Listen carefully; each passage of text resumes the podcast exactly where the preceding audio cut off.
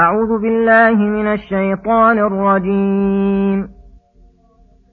قل يا أهل الكتاب لستم على شيء حتى تقيموا التوراة والإنجيل وما أنزل إليكم من ربكم ۖ وليزيدن كثيرا منهم ما أنزل إليك من ربك طغيانا وكفرا.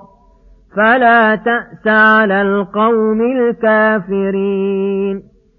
إن الذين آمنوا والذين هادوا والصابئون والنصارى من آمن بالله من آمن بالله واليوم الآخر وعمل صالحا فلا خوف عليهم ولا هم يحزنون لقد أخذنا ميثاق بني إسرائيل وأرسلنا إليهم رسلا كلما جاءهم رسول بما لا تهوى أنفسهم فريقا كذبوا وفريقا يقتلون وحسبوا ألا تكون فتنة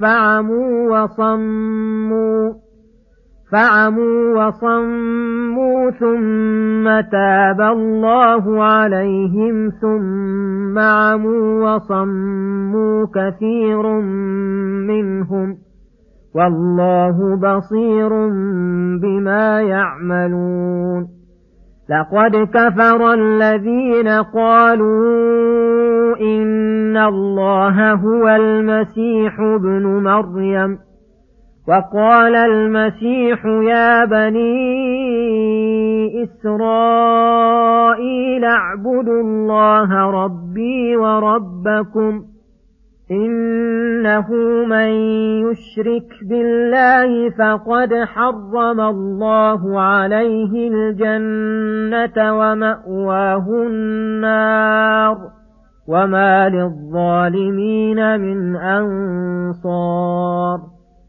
لقد كفر الذين قالوا إن الله ثالث ثلاثة وما من إله إلا إله واحد وإن لم ينتهوا عما يقولون ليمسن الذين كفروا منهم عذاب أليم أفلا يتوبون إلى الله ويستغفرونه والله غفور رحيم.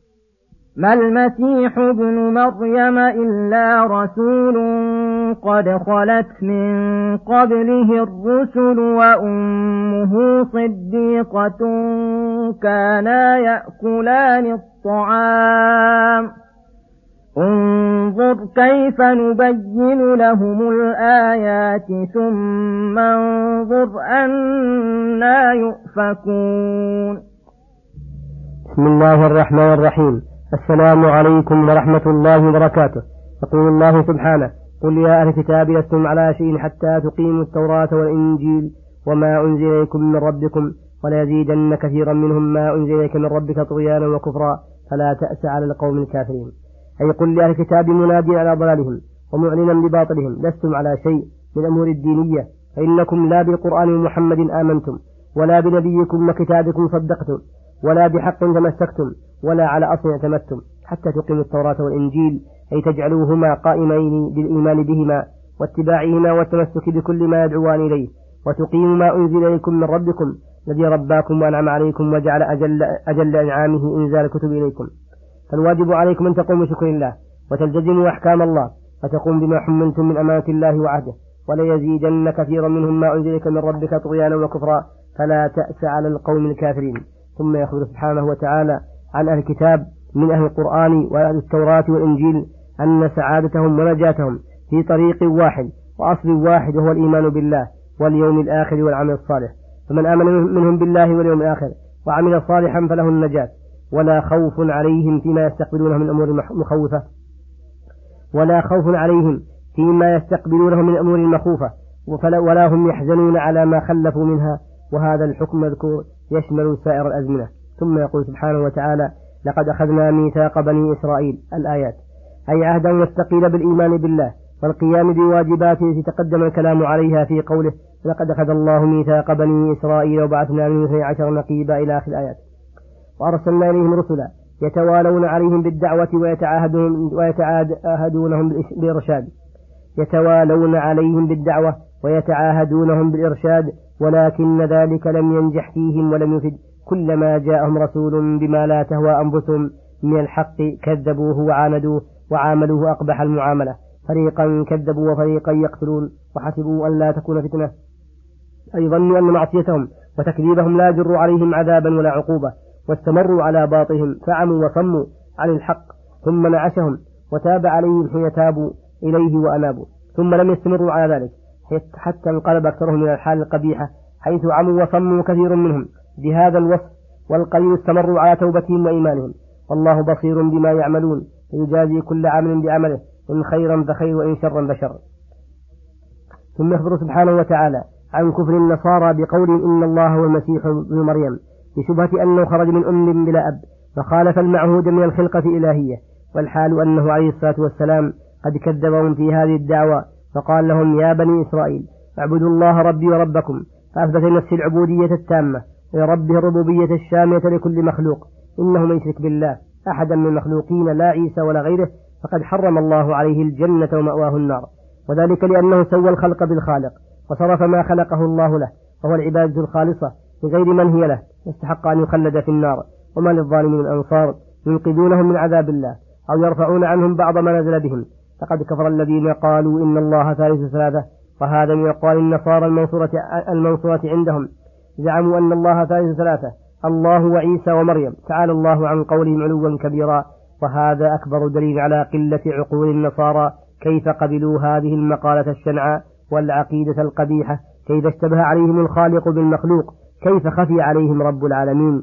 قال تعالى ردا عليهم وعلى أشباههم وما من إله إلا إله واحد متصف بكل صفة كمال منزه عن كل نقص منفرد بالخلق والتدبير ما بالخلق من نعمة إلا منه فكيف يجعل معه إله غيره؟